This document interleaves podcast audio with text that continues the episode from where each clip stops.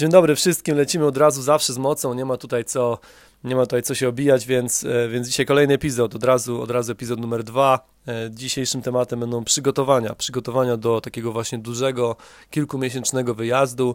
E, myślę, że temat całkiem ciekawy dla tych, którzy rozważają właśnie to romantyczne porzucanie korpo i, mm, i wyjeżdżanie gdzieś. E, także na przykładzie teraz przygotowań właśnie do tego, do tego kolejnego wyjazdu do Azji. E, dzisiaj mówię, jak to wygląda u mnie. Może, może komuś coś się z tego przyda. Także zaczynamy po kolei. E, najpierw, kiedy planujesz taki duży, taki duży wyjazd kilkumiesięczny, to są, to są jakby dwie drogi tego. Albo, albo planujesz to na określony czas w roku, no i wtedy wybierasz sobie mm, odpowiedni rejon, i wtedy po prostu tak jak ja teraz mam w moim przypadku, czyli e, wyszło tak, że z, z Islandii uciekam z zimy tutaj e, właśnie dlatego szukałem jakiegoś, jakiegoś po rejonu, który, który będzie atrakcyjny i który będzie można odwiedzić, dlatego że mm, linie lotnicze często kuszą tanimi biletami, ale kuszą cię tanimi biletami wtedy, kiedy w danym miejscu jest na przykład, nie wiem, pora deszczowa albo E, albo po prostu kiedy jest słaba pogoda, więc to zawsze warto sprawdzić.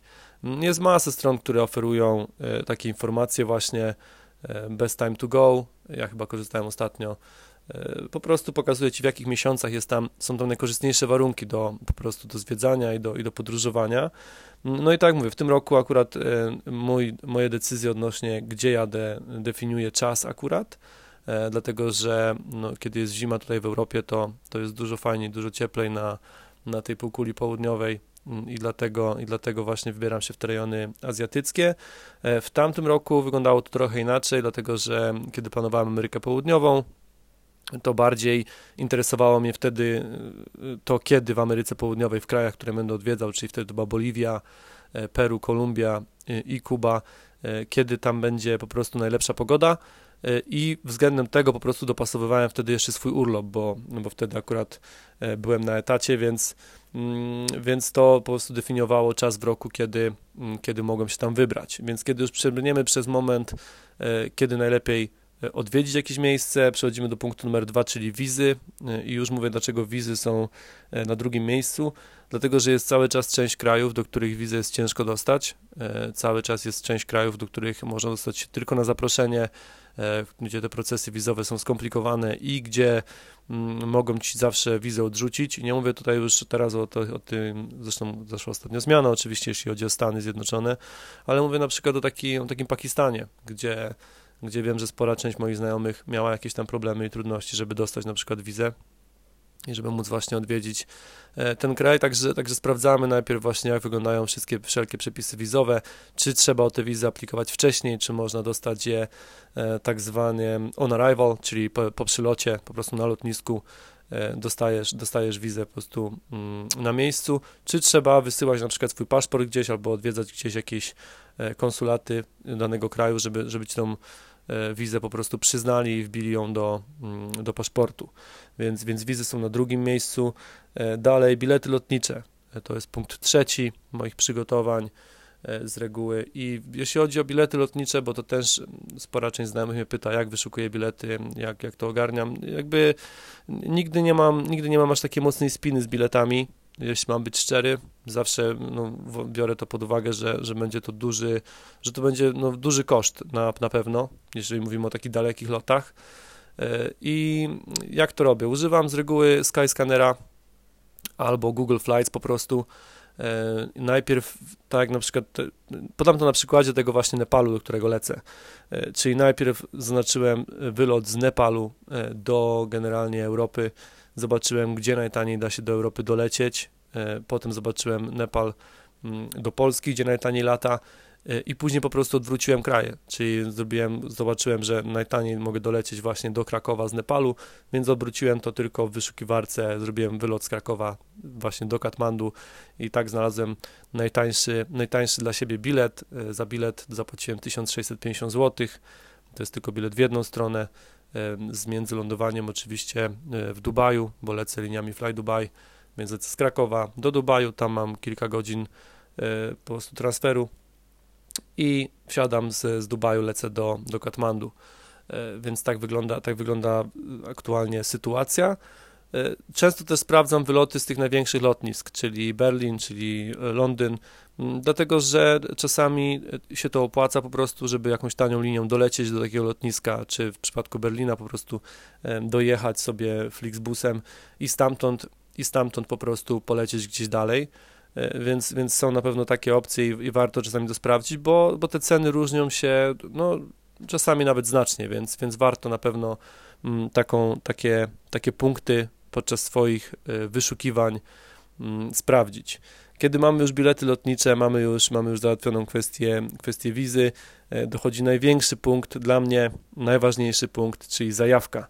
E, zajawka, już tłumaczę o co chodzi, na tej zasadzie, że kiedy przygotowujesz się do odwiedzenia jakiegoś regionu, wypisujesz sobie kraje, do których chcesz zajechać i które chcesz odwiedzić, to ważne jest to, aby używając właśnie wszelkich tych social mediów, które są tak demonizowane w ostatnich czasach, aby ich używać i sprawdzać i nakręcać siebie samego. Na tej zasadzie, że odpalasz sobie jakieś, jakieś wideo właśnie na YouTubie, patrzysz, e, patrzysz na te, na te tam na ciekawe miejsca, co, ten, co dany kraj może ci zaoferować, jak to wygląda, e, przeglądasz jakieś zdjęcia na Instagramie, e, bardzo często możesz sobie po prostu wpisać dany kraj i później patrzysz na te najciekawsze zdjęcia i bardzo często ludzie tagują e, albo po prostu e, nawet w hashtagach umieszczają nazwy miejsc, więc później możesz samemu sobie to znaleźć i wiesz, wiesz, co możesz dopisać do, swoich, do swojej listy miejsc, które chciałbyś zobaczyć albo odwiedzić, bo, e, bo, bo zajawka na tym się opiera właśnie ten punkt tutaj, na tym, że po prostu wypisujesz sobie wszystkie miejsca czy atrakcje, z których chcesz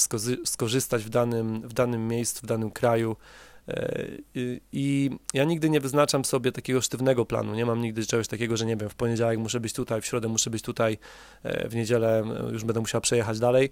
E, bardziej opieram to na tej zasadzie, że wypisuję sobie po prostu z danego kraju kilka lub kilkanaście właśnie takich punktów, co chcę zobaczyć lub co chcę zrobić i później po prostu na bieżąco, elastycznie dosyć e, dokładam e, te wszystkie właśnie jakby klocki, buduję tego Tetrisa takiego podróżniczego sobie składam, tak aby to wszystko wyszło.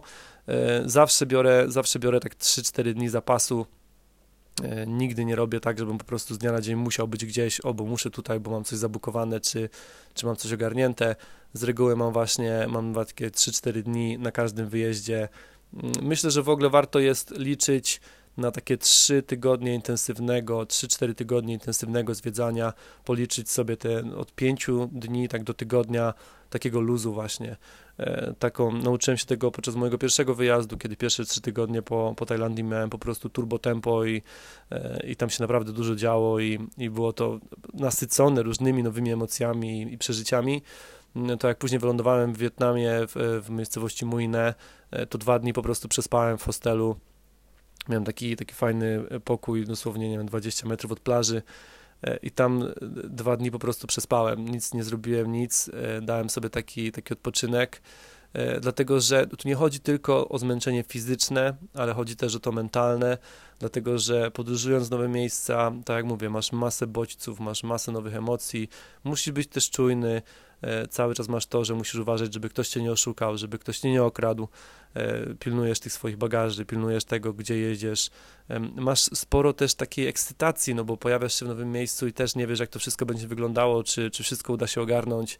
E, I, mm, i takie, takie właśnie natężenie emocji powoduje, że, że po jakimś czasie musisz, musisz mieć taki stop właśnie, takie dwa albo trzy dni, żeby się nie wypalić, żeby, żeby się nie zmęczyć, żeby to wszystko e, cały czas przynosiło ci maksimum frajdy i, i żeby, żeby całe to doświadczenie było po prostu e, takie przyjemne.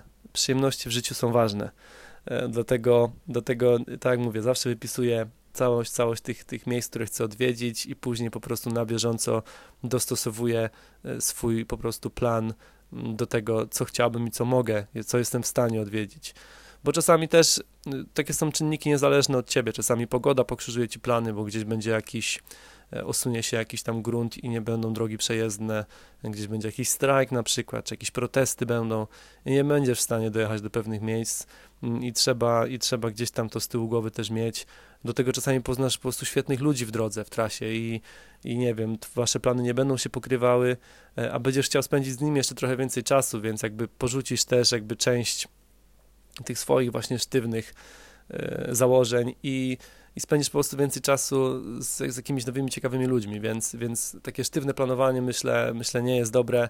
Warto, warto zawsze mieć mm, takie właśnie, taki zapas czasowy i taki trochę luz w głowie też, że, że fajnie, ja, ja jestem człowiekiem, który robi bardzo dużo na wyjazdach, bardzo y, działam bardzo aktywnie, dosyć mało śpię. Y, ludzie, którzy byli na moich prelekcjach wiedzą, że y, czasami nawet kwestie zdrowotne nie powstrzymują mnie przed, przed odwiedzaniem kolejnych miejsc, czy przed zwiedzaniem kolejnych spraw. Mm, no ale, ale to wszystko, to wszystko wychodzi później z czasem. To, to myślę, że dobrze jest tak, tak zwiedzać intensywnie i mocno, ale jednocześnie, tak jak powiedziałem, warto mieć, warto mieć te kilka dni w drodze na, na taki odpoczynek. E, kolejnym punktem, kolejnym punktem, jeśli chodzi o przygotowania, jest sprzęt. Aktualnie właśnie jestem w momencie rozważania tego, czy, czy załatwić sobie e, DJI mm, Osmo Pocket czy DJI Action no są dwie po prostu małe kamery, e, znaczy wybieram pomiędzy jedną z nich generalnie, na razie mam, mam takie właśnie rozkminki, oglądam sporo wideo i, i czytam o specyfikacji tego sprzętu. Staram się podróżować jak, naj, jak najlżej w tej kwestii. No, jestem człowiekiem, który dzieli się swoimi, mm, swoimi podróżami z ludźmi, więc, więc ten sprzęt u mnie e, ma duże znaczenie. Mm, tak jak powiedziałem, teraz porzucam, e, już nie biorę teraz ze sobą komputera w, w trasę, więc odejdzie mi te dwa albo trzy kilo nawet. E, bo mój mały plecak samego tylko ekwipunku właśnie tej elektroniki e, to było takie 8 kilo, więc e, no, no, za ciężki, za ciężki, żeby się, żeby się bawić w to w górach w Nepalu. Co zabieram teraz ze sobą? Na pewno będę miał swój aparat, czyli Sony A5100, mm, a ma taki, no to jest bezusterkowiec, żadna, żadna, żaden jakiś konkretny sprzęt. Chodzi bardziej o to, że ma być praktyczny, ma być wytrzymały i, i tutaj same mogę tylko same pochwały powiedzieć tak naprawdę odnośnie tego, e, tego aparatu, bo, bo wytrzymał już ze mną całkiem sporo e, i, i to musi być taki sprzęt, którego nie będzie mi szkoda, jeżeli on, ktoś mi go po prostu gwiznie na tej zasadzie.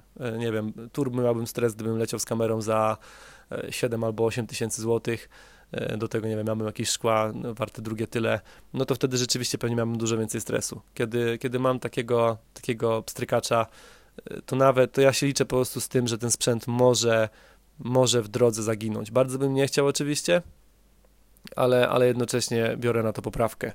E, dalej drona, drona zabieram, to jest e, DJI mm, Mavic Air, czyli ten mały, taki dosyć, dosyć lekki, do tego mam trzy baterie e, i tam jakieś zestawy, dwa skrzydełek do niego w razie gdyby coś się z nim stało. E, do tego oczywiście iPhone, iPhone 7. Myślę, że właśnie, żeby wymienić jednak tą szybkę pękniętą w moim, w moim telefonie, e, bo, bo w tych takich ekstremalnych warunkach jednak to popękane szkło może, może tam e, no może coś się z tym wydarzyć, więc podejrzewam, że jeszcze jak zlecę do Polski, to będę się bawił w wymianę tej, tej, tego, tego przedniego szkła.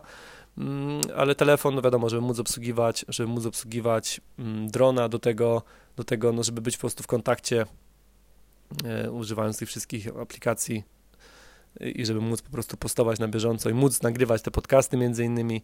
E, I właśnie tak jak powiedziałem, zastanawiam się nad, nad zakupem takiej kamerki już mniejszej, która będzie po prostu nagrywała w 4K też. E, I tutaj właśnie mam ostatnimi czasy po prostu takie rozważania, przemyślenia muszę, muszę zdecydować. Dalej plecak. Bardzo chciałem się zmieścić w 40 litrów, jeśli chodzi o ten kolejny wyjazd, ale pewnie się to nie uda dlatego że znowu specyfika wyjazdu. Mm, jeżeli jedziesz gdzieś, gdzie jest ciepło, no to wiesz, że odchodzą ci, możesz sobie tak naprawdę darować ciepłe ciuchy, no bo, no bo będzie ciepło tak naprawdę, więc, e, więc no, bierzesz tylko jakieś tam lekkie koszulki i, i shorty i, i to wszystko będzie działać. W moim przypadku będę miał duże, dużą rozpiętość tego wszystkiego, dlatego że zaczynam od Nepalu, w którym będzie zimno, bo to jest listopad, Generalnie listopad jest dobry na zwiedzanie Nepalu, z tego co czytałem, bo tam jest czyste niebo, jest ładnie, no ale też nie będzie upałów, więc, więc zabieram ze sobą jakieś stare bluzy, stare kurtki, które, które zaraz po Nepalu po prostu wyrzucę, e, dlatego że później robię Indie, Indie będą ciepłe. Mm, po Indiach wejdzie pewnie Indonezja, bo tam się mam łapać z Piotrem Poloprzywarskim i mamy robić taki kraj niespodziankę.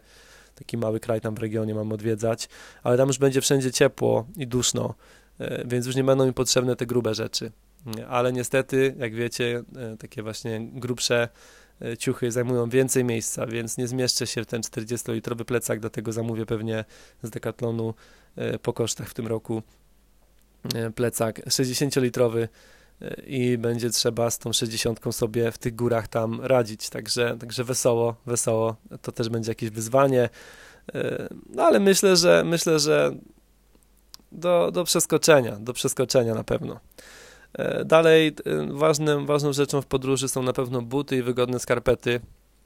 E, śmieszna sprawa, no będziemy o skietach mówić, ale, ale skarpety są ważne, szczególnie właśnie jeśli chodzi o takie trekkingi, o wyjścia, o wyjścia gdzieś, gdzie się robi powyżej 10 km dziennie dlatego że już słyszałem sporo historii po prostu ludzi, którzy dobrali sobie albo złe buty, albo właśnie mieli, nawet zwykłe, zwykłe złe skarpety y, sprawiły to, że, że po prostu kończysz z tym, że masz stopy tak rozwalone, po prostu tam jakieś pęcherze się robią, inne rzeczy, y, odciski, że, że nie jesteś w stanie po prostu kontynuować zwiedzania czy, czy chodzenia dalej.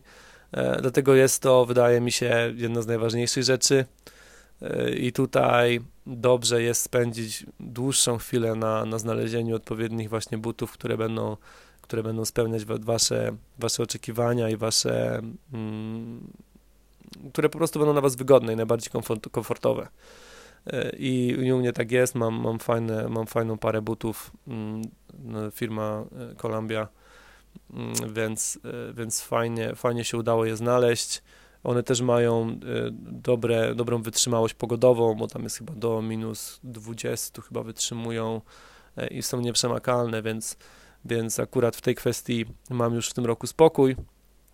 E, no i oczywiście jakieś buty też, e, tam mam lekkie na te, na te inne miejscówki, tak żebym mógł sobie po prostu latać w jakichś, w jakichś po prostu wygodnych butach, Niektórzy ludzie kupują generalnie buty na przykład do biegania, bo są, bo są oczywiście wygodne, niektórzy kupują po prostu jakieś, jakieś zwykłe adidasy na takie już e, wyjścia, na takie mniejsze trekkingi po prostu, e, na chodzenie po mieście, mm, no bo też wiadomo, e, jeżeli wyruszasz jakieś ciepłe kraje, no to można niby to wszystko robić w japonkach, można spokojnie sobie śmigać w jakichś tam klapeczkach, tylko że też nie zawsze jest to wygodne po prostu. Czasami potrzebujecie tej większej mobilności, mm, tego, tego większego, większej szybkości czasami. No, nie ukrywajmy, że, że w japoneczkach, czy tam w, w klapeczkach zwykłych, czy nawet w turbokubotach, y, to jest, to jest raczej ciężka sprawa. I dalej apteczka. O, tutaj zapomniałem wspomnieć o, y, o szczepieniach, bo oczywiście szczepienia też są ważne. E, w moim przypadku jest trochę zabawnie, dlatego że szczepienia zrobiłem przed Azją i te szczepienia, e, część z nich po prostu jest na, tam na 5 albo na 10 lat. E, problem polega na tym, że zgubiłem karteczkę z tymi szczepieniami, które zrobiłem przy którejś przeprowadzce swojej. Do tego przychodnia, która robiła mi te szczepienia, już nie istnieje, z tego co wiem, więc ciężko mi tę informację zdobyć. Mm, można oczywiście zrobić badania, żeby znaleźć, czy ma się te przeciwciała danej, danej choroby no można, tylko że to jest to kosztowna sprawa, bo to kosztuje wtedy od, danej, od danego szczepienia po prostu, chyba jakieś 4 czy 5 dych. Więc aktualnie powiedzmy, że no, ja wiem, że mam sporą część szczepień zrobionych, bo robiłem naprawdę dużo ich przed, przed tamtą Azją, to było 5 lat temu, więc jeszcze mm, jadę na tym na tym takim patencie, że, że te moje szczepienia są jeszcze ważne. Oczywiście najgroźniejsze choroby, czyli denga i malaria, na nie nie ma szczepień, na malarię są leki, e, które można brać, e, aby, aby się tą malarią, przed tą malarią chronić. Z tym, że tutaj też nie popadam w paranoję. Jeżeli zwiedzacie tylko takie oficjalne miejsca i tam będą jakieś krótkie wypady gdzieś, to też bym się aż tak bardzo mocno tym wszystkim nie stresował. Co innego, kiedy na przykład planujecie, nie wiem, wyjechać w dżunglę na 3-4 dni albo i dłużej, no to wtedy rzeczywiście można, można się w tej kwestii troszkę, troszkę bardziej zaopatrzyć. Ja, kiedy będę nam jechał, no, no nie, nie, nie kombinuję z malarią te leki, z tym problem, że jeżeli wybierzecie e, tańsze zamienniki, bo jest chyba malaron, się nazywa, jest, jest drogi, ale skuteczny i jest mniej po nim efektów ubocznych, a jeżeli wybierzecie tańsze zamienniki, no to tam są różne jazdy. Ja, jak właśnie miałem kiedyś tak w Wietnamie, bo kupiłem no czujesz się potem fatalnie, do tego trzeba unikać słońca, co jest też dziwną sprawą, kiedy akurat jesteś w krajach, które są, no, są ciepłe i fajne. Mm, więc, więc w tej kwestii, no, nie mogę powiedzieć, że doradzam, aby tego nie robić. Oczywiście, że nie, bo, bo nie jestem w stanie wziąć odpowiedzialności za nikogo, komu się coś stanie. Mówię tylko z własnego doświadczenia, mówię tylko jak to u mnie wygląda. Ja biorę pod uwagę to, że może mi się nawet na wyjazdach coś wydarzyć, dlatego ważne jest ubezpieczenie turystyczne.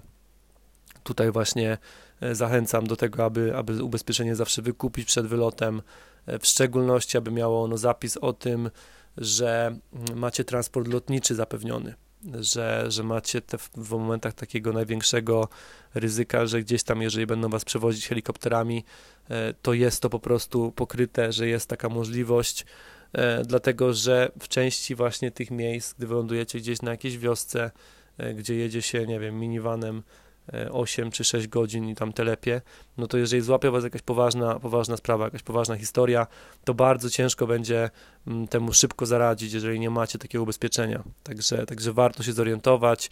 E, nie polecam to nikogo konkretnego, E, jest po prostu sporo ludzi, którzy zajmują się ubezpieczeniami, którzy mają, którzy są po prostu takimi typowymi agentami ubezpieczeniowymi, którzy mają kontakt z kilkoma firmami e, i oni będą w stanie Wam na pewno doradzić, bo to, bo to zależy od miliona czynników, od tego, gdzie jedziecie, na ile jedziecie, jaki charakter będzie miał Wasz wyjazd i, i, i tego typu sprawy, ale na pewno, na pewno mm, warto, warto y, się ubezpieczyć. To jest ważna sprawa.